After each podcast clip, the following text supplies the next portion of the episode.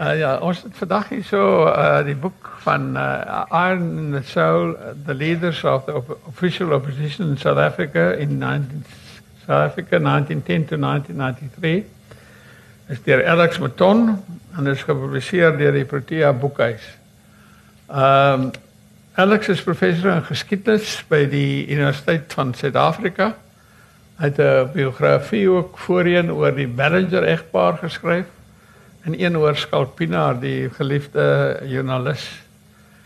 Nou tussen tussen 1910 en 1993 het Suid-Afrika uh 12 op oppositieleiers gehad, maar in, in die boek is daar net 9. Nou die rede is dat hy Alex gekies het om te konsentreer op op daardie oppositieleiers wat nooit in die regering in, in die regering gekom het nie. Hulle wat nooit in die land Kanaan gekom het nie. Uh nou dat die drie wat die uh, ons vind dan die, die drie bekendste oppositieleiers is nie in die boek nie omdat hulle wel in die regering gekom het. Die drie is Jan Smuts, uh JBM Hertzog en Dave Malang. En die fokus is dus op die nege wat in die woestyn gebly het. En ek dink daardie fokus werk besonder goed. Dit laat mense al die magteloosheid en die verydeling voel van die wat gedeel is deur diegene wat geweet het hulle politieke loopbaan het nooit op sukses uitgeloop nie. Dit laat word laat mense wonder wat besiel mense wat byvoorbeeld 'n baie goeie akademiese loopbaan voor die voor hulle gehad het en 'n baie groot vermoë gehad het om die politiek haarfyn te ontleed soos wat mense soos van Sir Slabbert kon doen. Wat besiel hulle om in die politiek te gaan? Uh en, en van Sir Slabbert het uh het die antwoord gegee in wat die titel van die boek is. Die titel van die boek is Iron in the Soul. Iron in the Soul, the parliamentary opposition in South Africa from South Africa from 1910 to 1933. En ek haal sy woorde aan. You need iron in the soul and never lose faith in what you believed in this or in the sight of your objectives. You have to keep plugging away patiently without the prospect of reward and always be prepared for failure and disappointment. Nou interessant genoeg is uh, uh Alex uh, haal die voorbeeld aan van een van die heel bekendste Harvard politieke wetenskaplikes wat uh, baie uh, bekend is van wie die uh artikels wat hy skryf in die New York Review of Books. Uh maar maar ma, ma, Michael Ignatieff wat uh, sy pos in Harvard verlaat het om leier van om om om die om die om die liberale party in Kanada te, te gaan lei en in die verkiesing te gaan staan en daar te gaan daar, daar te gaan staan verloor. En ek Natief het die leier van die taak van die leier van die oppositie as die ondankbaarste in die politiek beskou. Dit is nou vir hom dit is 'n baie goeie opsomming. Uh die en ek dink as ek nou so hier so praat dan dan wat ek maar dink aan Musi my ma nie, mens moet dalk nie so erg krities op hom wees nie, miskien. Ek ek seker hy doen sy bes, jy weet, maar uh om so jonk en vroeë 30er jare in die politiek ingegooi te word sonder enige ervaring jy jy's behalwe prediking miskien en so aan uh is nog al 'n baie gedigte taak. Die eerste uh persoon wat wat wat wat hy behandel wat behandel wat wat Alex behandel is Alex is Leander Star Jameson wat ons nou natuurlik almal ken van die van die Jameson aanval wat nou eintlik beskou word as 'n reuse flop Hulle het hierso met uh hoeveel mense het hulle die land ingery wat hoe groot was die inval geweest van James? Ag, dit was so lae honderds geweest. Lae honderde. Hulle was veronderstel om Johannesburg toe te gaan en dan daar sou al die uitlanders dan in uh in uh, opstand kom en in Paul Kruger omverwerp en so aan en was 'n groot fiasco. Hy het die hele wêreld uitgelag en om alles nou te kroon. Cecil John Rhodes het agter alles gesit om alles te kroon word hy nou nog aangeval ook deur die Britse ministers in Londen en uh wat nou die heel merkwaardigste is wat ek ook eers laat uitgevind het die bekende gedig van Rudyard Kipling If is ook gebaseer op Jameson want Jameson het toe in die tronk gesit en daar was vrese dat hy opgehang sou kon word hy het in die tronk gesit en dis dan 'n gedig van dat indien jy al ding if you can do all these things uh You are a man, my son. Ons sal miskien ons kom tog maar teen die einde aanhaal want dit is my so mooi. Uh, uh, mooi mooi mooi. Kyk, ehm um, ek wil die eerste vraag van ehm uh hoe is die verhouding tussen uh, Landerstaat Jameson en Cecil John Rhodes? Nou hierdie tye waar mense nou vrylik oor sekere uh praat oor die feit dat sekere geselde geslag mense saamwoon en meer as net 'n platoniese verhouding het. Wat was die verhouding tussen hom en Cecil John Rhodes? Wel dis dis oop spekulasie. Ehm um, Calvin die biograaf van Jameson, eerste biograaf, wys daarop dat eintlik was 'n egpaar saam gelewe in Kimberley. Hmm. Ehm um, daar's daar kan sterk gespekuleer word dat daar was 'n 'n homoseksuele verhouding tussen hulle. Hulle was besonder lief vir mekaar gewees en hulle houding teenoor mekaar was die van 'n egpaar gewees. En uh Jameson se se se reaksie op Rhodes se bedanking as eerste minister, sy siekte en sy sterfte daarna wys dan ook op 'n besonderse, baie besonderse noue verhouding. Kyk, daar's geen Das is in Engels sal sê 'n smoking gun om te sê daar was 'n homoseksuele verhouding nie, maar dit was 'n baie unieke en noue verhouding tussen hulle gewees. En dat Jameson se handeling uh met die inval asook sy leierskap van die oppositie om reg te maak wat hy verbrou het, was alles om Rose te dien. Sy hele ideaal na 1910 was ja. om te kompenseer en reg te maak en Rose se ideaal te bereik van 'n Suid-Afrika, 'n loyale Verenigde Suid-Afrika binne in die Britse Empire. Uh nou die bekendste Engelse liberaal, Engelssprekende liberaal, maar iemand wat baie gekant was teen die Anglo-Boereoorlog, uh, John X Merriman. Hy was like my omtrent die die mees kritiese op Jameson. Ja, hy, nou, hy, wat was die rede daarvoor? Ehm um, want hy Jameson verantwoordelik gehou vir die vir die Boereoorlog wat gevolg het, vir die uh, bloedvergieting vir die verwydering tussen Afrikaans en Engelssprekend, soos jy weet met die die die die die die Kaapse Afrikaner Bond waar baie Engelssprekendes betrokke was. So hy het hom verantwoordelik gehou vir al die probleme en het hom so sterk uh um, hy het so sterk standpunt ingeneem teen Jameson dat hy selfs geweier het om die portret agtereen ehm um, dat hy geweier het om 'n portret van Jameson te weet open, weet ja. onthul in die Kaapse ja. parlement.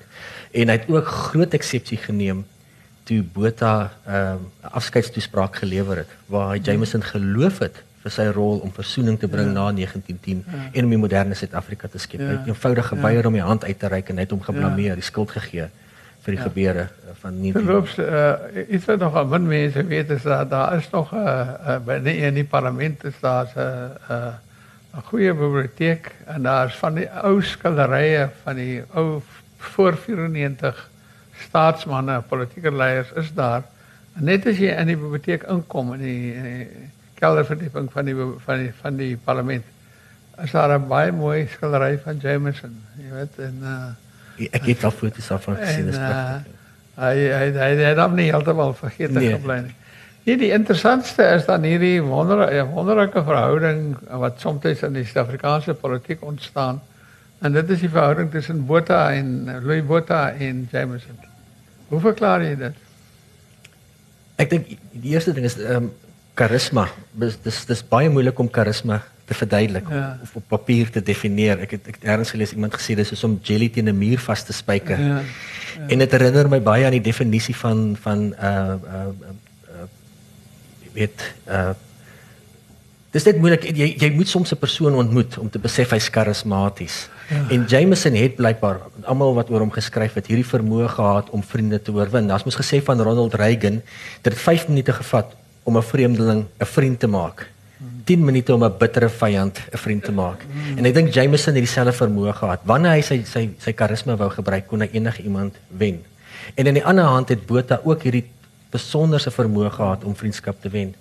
En daar was ook politieke pragmatisme betrokke. Hulle het vir mekaar gehou op 'n persoonlike vlak maar beide het besef dat mekaar nodig om versoening tussen hmm. Afrikaner en Engelssprekende uh, ja. uh moontlik ja. te maak. Ja.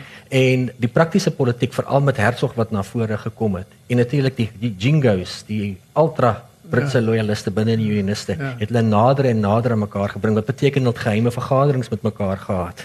Ja. Dat uh, bote hom in die aande gaan besoek het ja. en hulle planne gesmeed hoe ja. hulle die hertsogiete en hulle in een party en die Jingos aan die ander party tevrede kan. Ja. So dis 'n mengsel van opregte vriendskap. Engelenberg wys daarop in sy biografie oor Botha ja. dat hierdie hy was die private sekretaris en hy kon ja. die werklike gebeure sien en die private gesprekke van van die twee aanhou. Daar was 'n opregte vriendskap, toenadering. Twee veterane van oorloë wat nederlaag geken het. Ehm um, en besef het dat daar moet uitgereik word, daar moet saamgewerk word om 'n nuwe Suid-Afrika te skep en versoening tussen boer en brit moontlik te maak en Suid-Afrikanisme aan te moedig. Ja, net om vir oomblik af te wyk want alles my een van die verstommende dinge is dat die mense nou uh jy weet die hele al die ellendes in Suid-Afrika aan apartheid toeskryf En daar heeltemal vergeet van segregasie wat vooraf gegaan het is dat uh, ek dink Jameson was eerste minister in 1904 toe die, ek dink seker die enkele belangrikste wet aangeneem is naamlik om blank om op verpligte onderwys net vir blankes in te stel. Wat tog absoluut deurslaggewend is dit bepaal toegang tot die vakke tot die tot die ambagte en al die goed. Ja.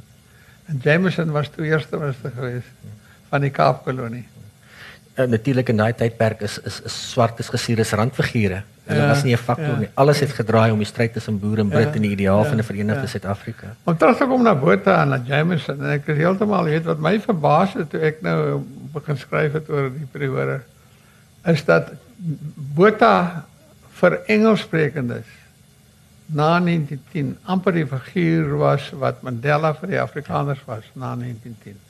Want ek is mense so gewoond oor botte wat so karikatuur gemaak is in die spotprente en so aan. Maar um, die Engelssprekendes het in hom die hoop gesien van 'n gematigde blanke Suid-Afrika en Suid-Afrikaanse nasionalisme. Ja. Is 100% reg. By die toe Louis Botha die eerste maal in Durban gearriveer het vir die eerste sitting van die nasionale konvensie, is hy toegejuig deur honderde Engelssprekende Durbanite, mm, ja. ultra loyaliste ultra mm. jingos. Ehm mm. uh, en daar was hierdie geloof dat hy is die persoon wat versoening kan meebring. Hy's gesien as 'n romantiese oorlogsheld. Ja. Hy's gesien as 'n gematigde. Ehm um, en dit was was belangrik. Natuurlik die wat Jameson se probleem was, dit baie in sy party, veral die ou Randlords, het nie gebyt aan hierdie teorie nie. Hy het hom gesien as 'n pion van konservatiewe plattelandse boere wat net die Engelse wil ja. misbruik en hy's gesien as 'n as 'n skelmboer, 'n geslepe boer. Hy's net te te slim. Ja. Ek gou van die sin in jou boek waar jy sê Jameson was above all admired for his uh, stoic fortitude and diversity. Ja. Dat ek dink dit som hom in 'n enkele sin op baie baie goed ja, op. Kyk, Kipling het gereeld Suid-Afrika besoek tydens die oorlog en gedurende die oorlog. Hy het gereeld in die Kaap kom woon en dis waar Jameson leer ken het. En dit is wat die meeste mense van Jameson getref het. Hy het nooit gekla nie. Hy was 'n persoon wat sy pyn gevat het ja. en nie daaroor getop en gebroei het nie. Ja. En dat hy bereid was na al die trauma van 95 ehm ja. um, deur die oorlog, die dood van Rhodes. Ehm um, toe hy die parlement betree, die Kaapse ja. parlement, ja. was hy behandel soos 'n malaatse. Hy is ja. voortdurend aangeval, ja. beledig, toegesnou ja. en hy het net stil gebly en het uitgereik. Ja. En teen die einde van die 1989 het hy daarin geslaag om feitelik al die Kaapse bond politici te oorwin en vriende te maak. Maar buite die parlement, in die parlement en die Kaapse parlement, is hy nog steeds gesien as die groot duiwelsfiguur onder Afrikaanssprekende soos die voormalige president Steyn en baie van hulle kon nie verstaan hoekom mense soos Botha bereid was om na hom uit te reik om 'n vriendskap ja. te hê nie. Maar daai stoïese benadering teenoor die lewe, dis wat Kipling natuurlik gemotiveer het ja. om iets te skryf. Jy weet, jy, jy, jy, jy met terugslaan ja. oorwinning is dieselfde reaksie kan toon. Ja. Dis wat hy gedoen het. Hy ja. word premier en sy reaksie is presies dieselfde as toe tronk ja. toe gegaan het. Ja. Uh, na die Jameson ride. Ja, dit maak eintlik hierdie gedig van Kipling if so merkwaardig, ja, want hy ja. vat sekere van daai eienskappe, want dit is gebaseer op Jameson. Ja, ja. Dit is geskryf toe Jameson in die tronk gesit het, uh, gewag het vir sy verhoor. En dieselfde gedig if, ek dink is onlangs gestem, gestem dat dit die in Britannia was so 'n menings uh, koerant uh, uh, meningsopname. Wat is die bekendste gedig? In Engel in in in Engels in Engeland en dit is toe besluit dat dit if is. En if die woorde van if if you can do all these things you you'll be you'll be a man my son. En dit lang op die ingang van die spelers die toegang na Wimbledon toernooi. Dit is vir die vir die dat jy moet vir, nederlaag en oorwinning moet jy eintlik om dit op dieselfde manier kan kan hanteer. Jy weet ek het twee seuns grootgemaak met 'n groot plakkaat van U in hulle kamer. ja, ja, dis waar nee. Nee, Jameson is regtig vir my 'n uh, wonderlik, jy dink ek dink is 'n wonderlike beeld wat jy van die man geskep het. Mense wil amper meer weet uh, van weer weet van hom. Het in baie opsigte van wie sy gesondheid natuurlik nie uh, baie gelukkige lewe gehad het. Um, tot die groot jammerte van ehm um, Botha en Smuts. Want ek glo as as Jameson langer kon aanbly as leier van die oppositie, kon hy meer gedoen het om ehm um, versoening en 'n Suid-Afrikaanse identiteit aan te moedig. Ja. Ehm uh, maar weens gesondheidsredes, ehm um, hy, hy het gereeld malaria aanvalle gehad, hy het jeug gehad, hy het talle talle probleme gehad. En sy toe vervang deur Thomas Smart.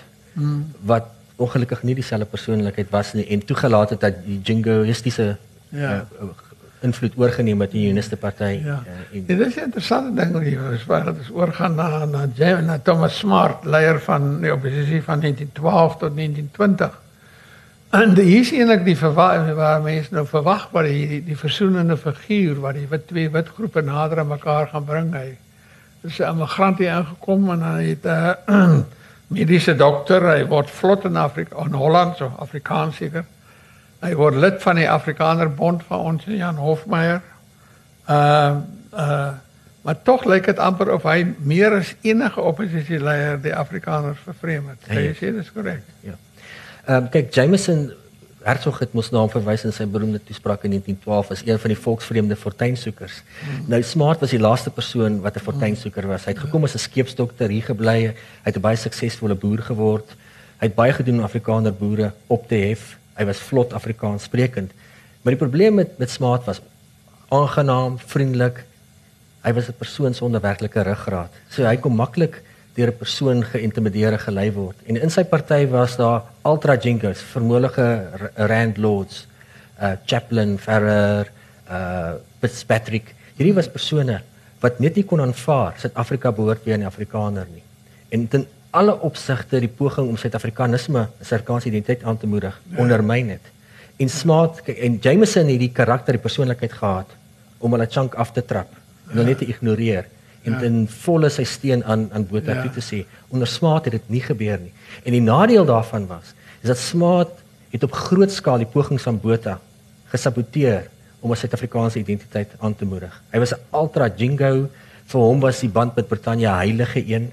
Ah. En veral na Hertzog die nasionale party gevorm het, het hy baie gedoen om eintlik die die nasionale party se groei aan te moedig deur sy optrede en sy handelinge. Byvoorbeeld deur ehm um, die die die besoldiging van Suid-Afrikaanse soldate. Suid-Afrikaanse soldate wat in Oos-Afrika geveg het, het die Suid-Afrikaanse besoldiging gekry wat heelwat hoër was as die Britse besoldiging. Maar die Suid-Afrikaanse soldate wat in Frankryk geveg het, het die Britse besoldiging gekry. En Smaat het dit 'n groot ding in Suid-Afrika gemaak het en Botha uiteindelik gedwing want Botha was afhanklik van sy steun in die parlement na die 1915 verkiesing om hulle die Britse besoldiging ja. te gee. En dit het die Hertzog ja. en die en die nasionale party gestoot deur heeltyd Botha ja. voor te hou as 'n uitverkoper van Afrikaner belange. Ja. En die goewerneur-generaal Gladstone in sy briewe aan in sy hoofde in Londen ja. vaar die heeltyd uit. Patrick Duncan ook en wys daarop. Kan jy 'n man kry wat meer skade doen aan Britse belange ja, as nee. Thomas uh se Thomas Smart? So ehm um, ja. as hy 'n betaalde agent was vir die nasionale party kon hy nie beter gedoen het. Nee, ek sien een van sy maatreëls wat hy wou instel, hy wou alle Duitse immigrante na Suid-Afrika repatrieer. Dit sou beteken dit dat my oupa ook my oupa ook sou repatrieer. Ek was kennelik in Duitsland groot geword het. Ja. So ek ek ben nou maar dankbaar wees dat hy uh, smart nooit in bewind gekom het. Hy hy om kyk omdat wensing die 15 verkiesing het die Suid-Afrikaanse party van Botha nie meer 'n volstrekte meerderheid nie. So hy moet die unioniste aan sy kant hou om aan bewind te bly. Mm. En dit het natuurlik die beeld geskep dat Botha en die Suid-Afrikaanse party spionne van die van die van die Britse Empire en van die ja. Joodse kapitalistiese ja. kliek. So hy het enorme skade bereken en en 'n uh, uh, Herzog, ek dink hy was 'n baie dankbaar man gewees uh, dat iemand so smaak bestaan het. Ja.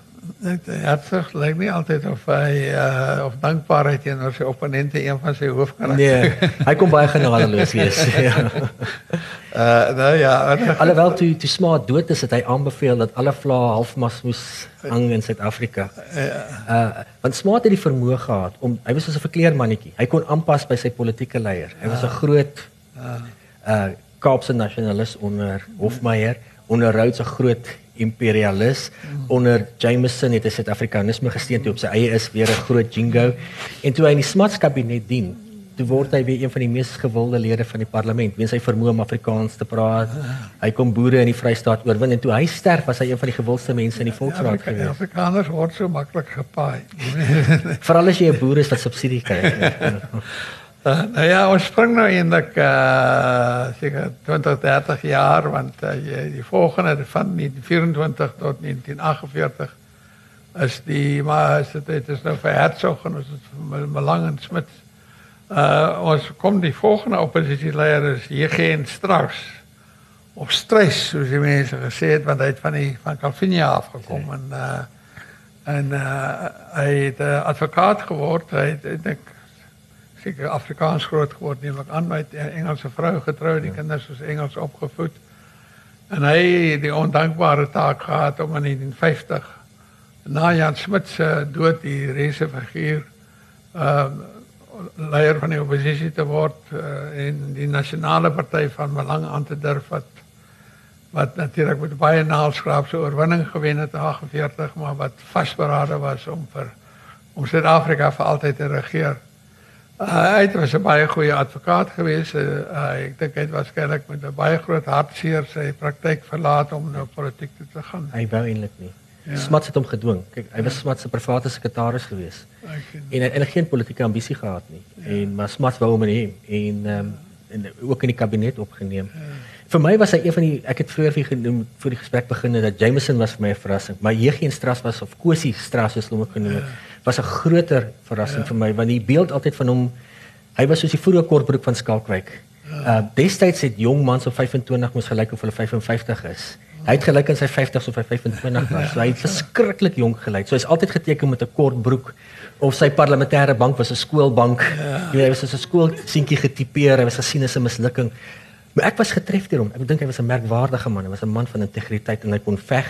Hy ja. moes veg teen 'n nasionale party wat op die hoogtepunt ja. van sy invloed is, arrogant, vol selfvertroue. En wat hy reg gekry het, hy het geglo in die oppergesag van die reg en hy geglo in die grondwet. So hy het tot die laaste loopgraaf geveg teen die verbanning van die kommunistiese party. En dit gevoel ja. jy verban nie 'n party ja. nie. Die wet op gesag van die reg is daar. Hy het geveg tot die laaste loopgraaf om die kleerling stemreg ehm um, te handhaaf. En hy het dit reg gekry op 'n baie slim manier want die Verenigde Party was 'n uiters konservatiewe party ook geweest. Daar was elemente in daai party wat baie meer regs as die nasionale party was. Maar hy kon hulle oorwin deur te sê as jy hulle wil toelaat dat die nasionale party die twee uh, derde stemreg uit die grondwet net ignoreer, kon gaan dit nie doen met Engels ook nie. So hy kon daai ultra konservatiewes van Natal aan sy kant kry en hy tot die einde geveg. Ek dink hy was 'n merkwaardige persoon. En wat hy reg gekry het, was om die nasionale party te dwing om die grondwet te omseil, deur die senaat kunsmatig te vergroot om die 2/3 meerderheid te kry. En daar's die eerste saadjies geplant van die verligte beweging. Ja. Want dit is dit mense Spitzel hier en Skalpina gedink het, maar wow.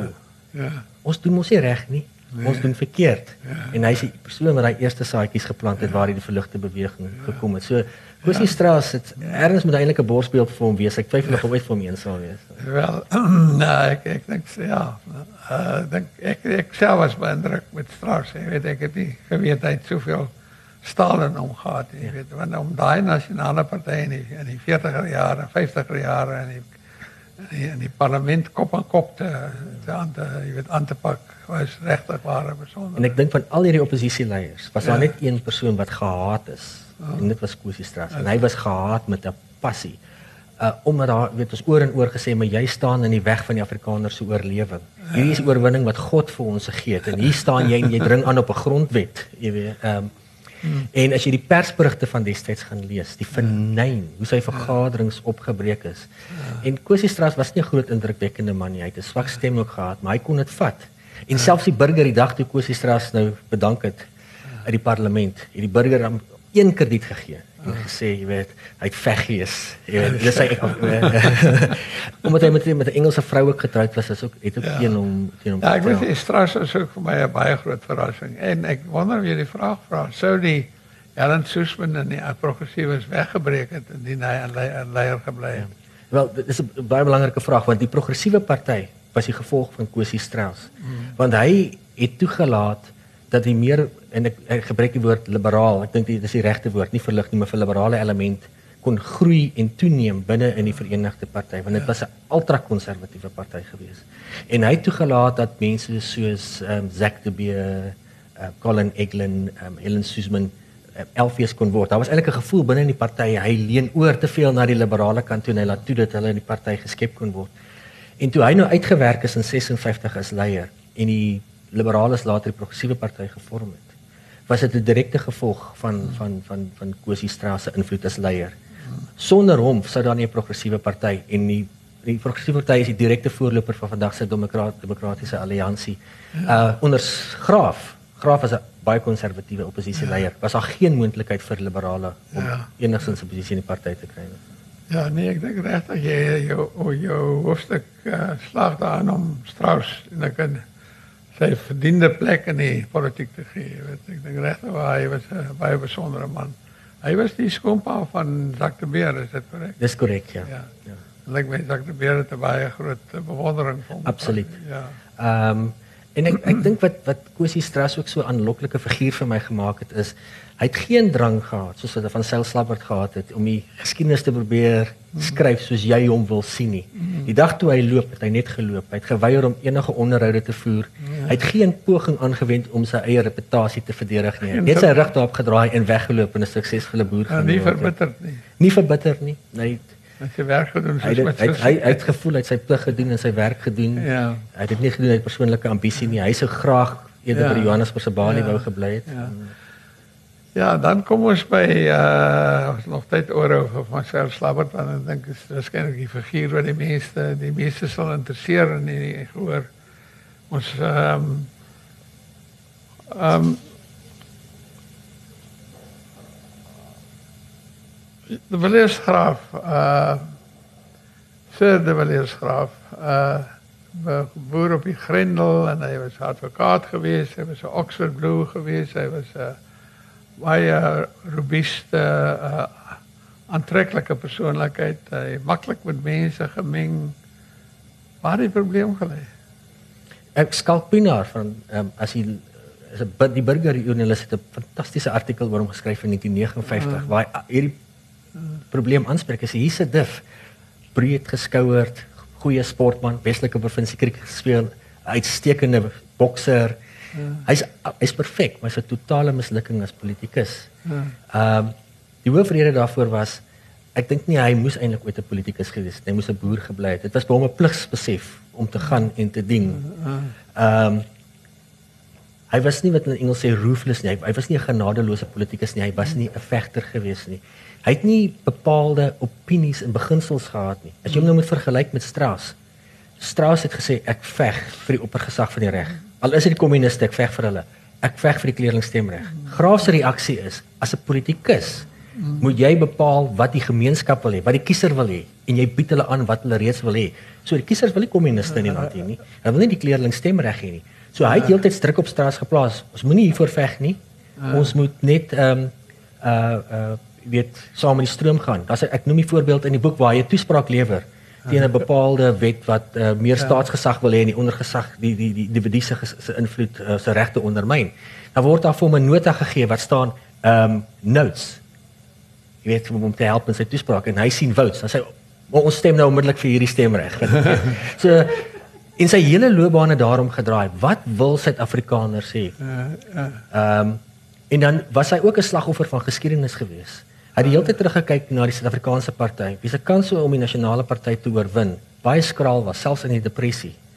En die wat die Verenigde Party moontlik gemaak het, was die krisis van 1933, die depressie.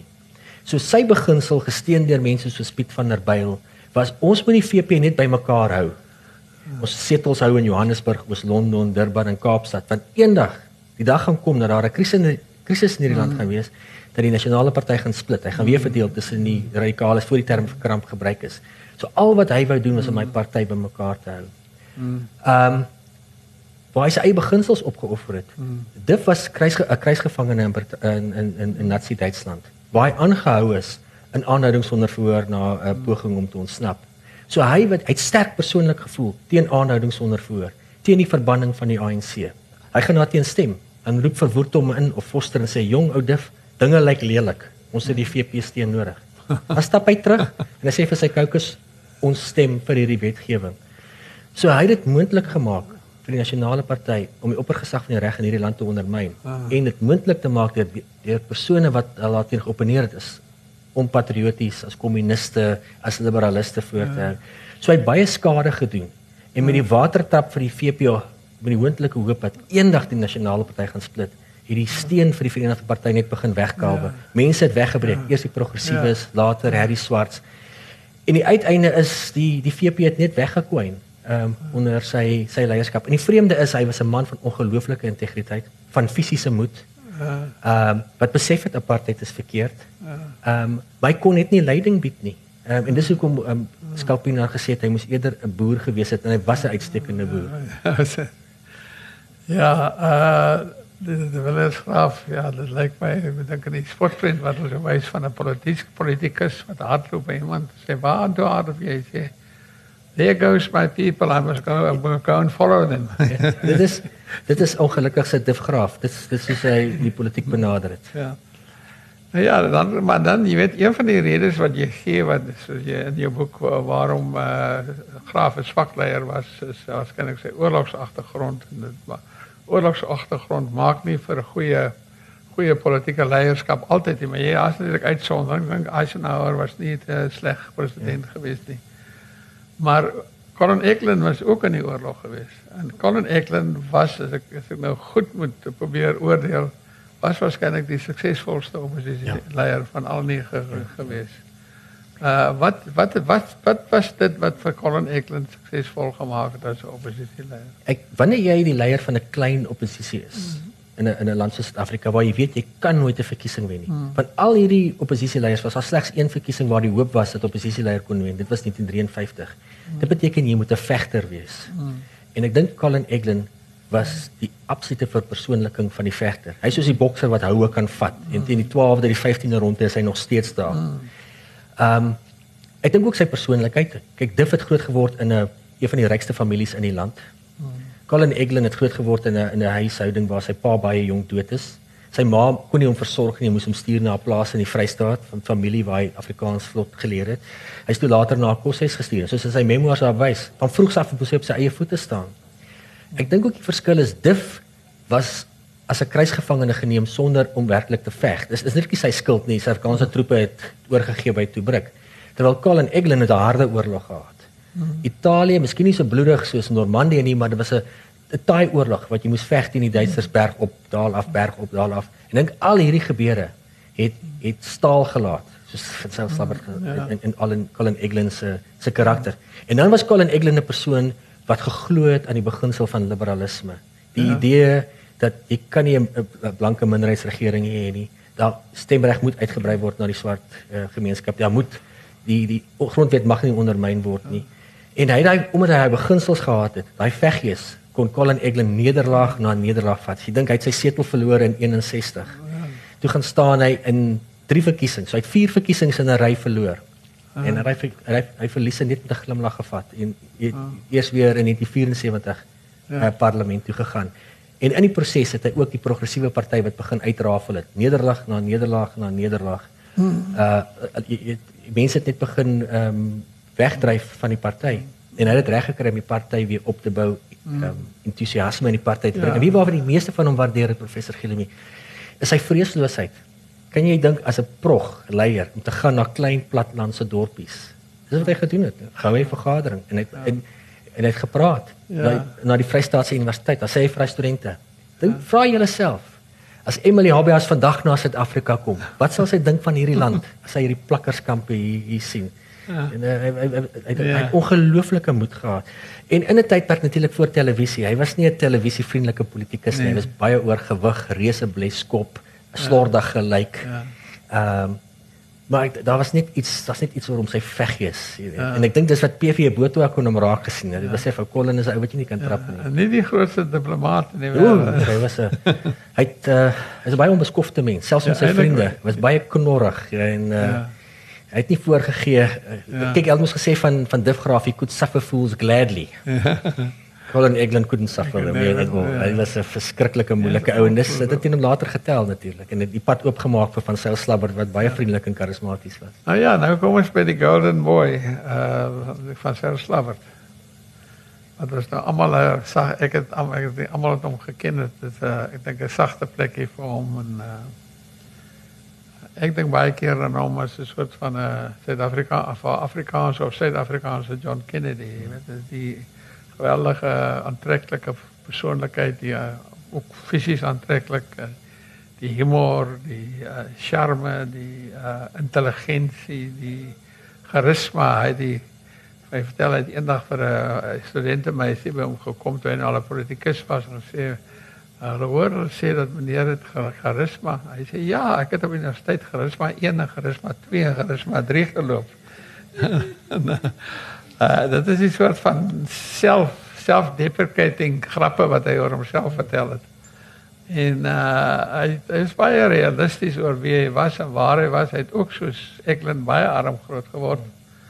Uh sonder uh, sonder as wel wesentlik sonder sy ouers. Uh en dis het die twee nogal baie in gemeen gehad. Uh en hy het uh hy toe stel hom eers wits en toe stel hom ons toe hier was hy 'n student. Ek het hom as student ons as studente mekaar leer ken. En uh hy het hier so uh, blyklik die pad was oop vir hom boontoe. Ek dink is amper in soveel woorde amper vir hom gesê, jy weet jy kan op die heel hoogste posisie by Stellenbosch bereik naamlik na rektorskap. Uh maar dan natuurlik is daar 'n sekere paadjie gewees wat jy moes geloop het wat van seil net sou kon loop nie soos nou maar. Hulle ek wil net uitbrei nie, maar daar was sekere daar was 'n spesifieke pad wat wat wat wat, wat mense wat heel bo wil uitkom op uh, moet moet loop. Ehm um, van Selslabbert word dan uh hy sluit by die by die Verenigde Party aan en hy het ag afhanklik Sy oupa was natuurlik Verenigde Party. En dit val ek eintlik vir 'n hele tydjie wat hy amper VP by die VP aangesluit het. Maar hy het dit sy bes probeer om dit soort van weg te steek. Hy het aangesluit uh ek dink Pascal en ek by die vergadering in Johannesburg. Dit was Harris van Rensburg. Hans van Harris van Rensburg. En die aand het hy die die, die kaartjie geteken in 74 om nou lid van die VP te word en dan te staan uh en uh, wat was dit by in uh, Rondebos nee dit was Randburg Rand, Rand, ja en dat uh, en dat hy dan as 'n VP kandidaat in die verkiesing sou staan maar later die aand in die vergadering nou opbreek is sien jy nog die kaartjie lê op die tafel en hy steek die kaartjie wat hy aansluit by die VP in, in sy bors en die arme horrors van Rensburg die hele nag vir die kaartjie gesoek want hier het die groot cat want almal het geweet Maar Cyril Slabbert sal 'n nuwe fenomeen in die Suid-Afrikaanse politiek wees. En uh wat sê dit iets van van Cyril se lewe hierdie dat hy dat hy eintlik was nooit 'n uh was hy werklik 'n politikus gewees of was uh, ja. Ek dink om leier van die oppositie te wees, hy haal daai gedeelte uit sy the, the last white parliament, waar hy skryf dat jy iron in die soul nodig om leier van die oppositie te wees en hy het nie Esther in sy siel gehad nie. Ja. Ehm um, hy het wel swaar groot geword, weet met sy geskeide ouers, maar in die politiek het dinge net te maklik vir hom gekom. In sy hele lewe, as jy nie, kyk na sy akademiese loopbaan, dan sy by hierdie universiteit, dan by daai universiteit, hy word word departementshoof by Wits. Almal bied die heeltyd vir hom aan. Die VP bied hom een van hulle veiligste setels aan in 74. Colin Egland kom en bied hom ronde ronde bos aan. Dinge het net te maklik vir hom gebeur. En om leier van die oppositie in hierdie land te wees, moes jy 'n vegter wees. Mm. En hy het ongelukkig nie daai veggees gehad om op die lang termyn weet ja. aan te hou veg nie. En dit is dit het hom skade berokken, maar ook die PFP. Ek dink hy het baie uiteindelik die hart uit die PFP uitgeruk en liberalisme in hierdie land mm. uh groot skade berokken en 'n beeld geskep van die progressiewe onregverdige beeld van die progressiewe federale party en van liberalisme dat hulle meelopers met apartheid was wat hulle beslis nie ja. was nie. Ek dink wat nooit heeltemal opgeklaar is. Goed, kon ek dan vra dan vir hom om 'n nuwe beleid vir die PFP of vir die progressiewe wat is dit progressiewe federale party destyds? Dit was aanvanklik die progressiewe party toe word die progressiewe reformiste party toe Harry Swarts aangesluit het en enkele jare terug die ja, progressiewe. Ja, so 79, 79 en hy kom op met 'n beleid wat gaan vir demokrasie, afvalwaardige stemreg vir almal maar 'n veto deur 'n minderheidsstem. Ja. Minderheid deur 'n groep en uh sê dat 'n 'n white veto of 'n I say a minority veto. Ja. Uh maar geval is dat die enige belangrike wetgewing sal deur te geweto kan word indien daar 15% van die parlementslede teenstem.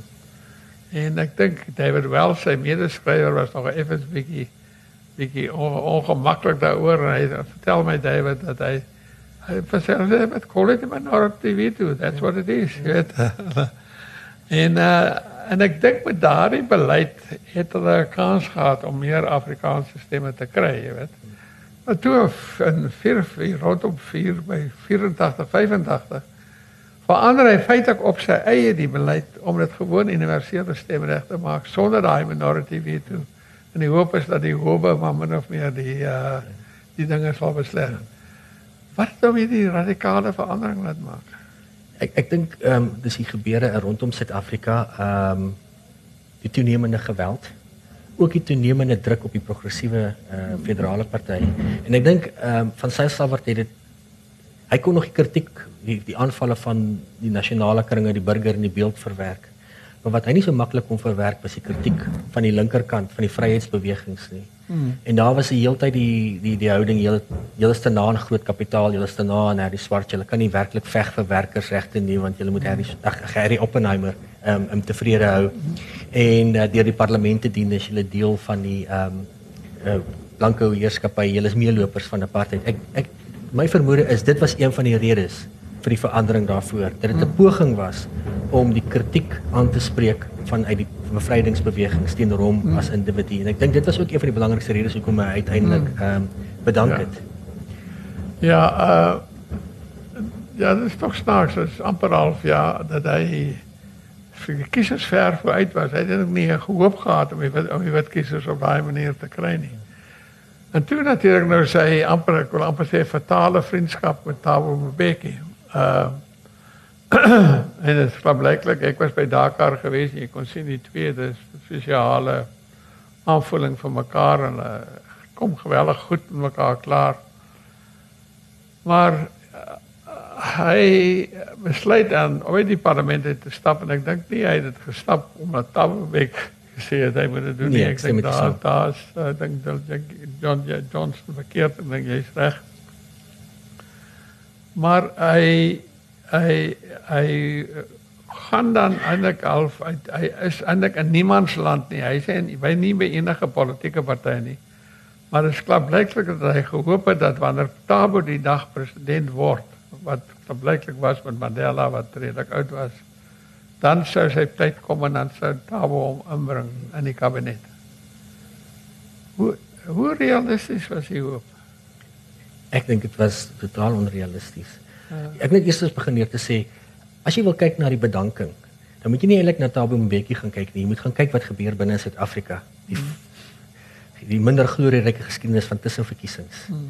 En na die stigting van die konservatiewe party was aanvanklik die hoop die Afrikaner stem is verdeel. Dit beteken die progressiewe federale party sal baat by die stembus. Maar wat gebeur het is dat die meeste blankes in plaas van om na die progressiewe federale of die ou progge in plaas van om vir die progressiewe party nog steeds te stem, het vir die nasionale party gaan stem om die konservatiewe party ja. teen te werk. En ek dink dis wat van van Cyril Sabbat geskit het. En hy het gesien daar gaan nie 'n verkiesingsdeurbraak wees nie. Ons praat ook van die 83 ehm um, ja. ehm um, referendum. Hy het begin moed verloor dat daar enige ja. vordering vir die vir die vir die party sal wees. Dit is saam met die toenemende kritiek van die bevrydingsbeweging. Dit het 'n belangrike rol by hom gespeel dat hy gevoel het hy's uitgedien met partytetiek. En as daar enige kritiek met die Mbeki kwessie is, is nie dat dat soos Johnson voorhou dat Mbeki hom gemanipuleer het of geseduce het soos mm. Visser ook sê nie. Dis nie waar nie. Maar dis wat hy met gesprek of uh, dat hy Mbeki in kennis gestel het van sy besluit om te bedank en die party te verlaat, maar dit nie gedeel het met mense soos Colin Eglin en Helen um, Suzman nie. Ek dink daai bedanking was 'n jy gaan kyk na sy hele lewe, hoe hy van een universiteit na die universiteit kon gaan. Hy's 1 jaar by Rhodes, volgende jaar by Stellenbosch, volgende jaar by Kaapstad. Daai ding het ook voorgekom in sy in sy parlementêre loopbaan. Ek dink hy het net moeg geword. Elke jaar dieselfde. Ek daar 'n toespraak en sy hoop was natuurlik om buite die politiek 'n groot rol te speel wat nooit plaasgevind het nie. Maar waarna jy ook moet kyk, is die nalatenskap. Deur net weg te loop van die progressiewe party, die enorme skare wat hy daai party berokken het. Wie wil vir 'n party veg en werk as die leier sê hy's hopeloos, hy wil nie eens leier af van wees nie. En dan ook die beginsel, die ideaal van liberalisme. Ja. Dan was dit baie maklik. Van sou stapper bedank. So hulle is meelopers van apartheid. So ja.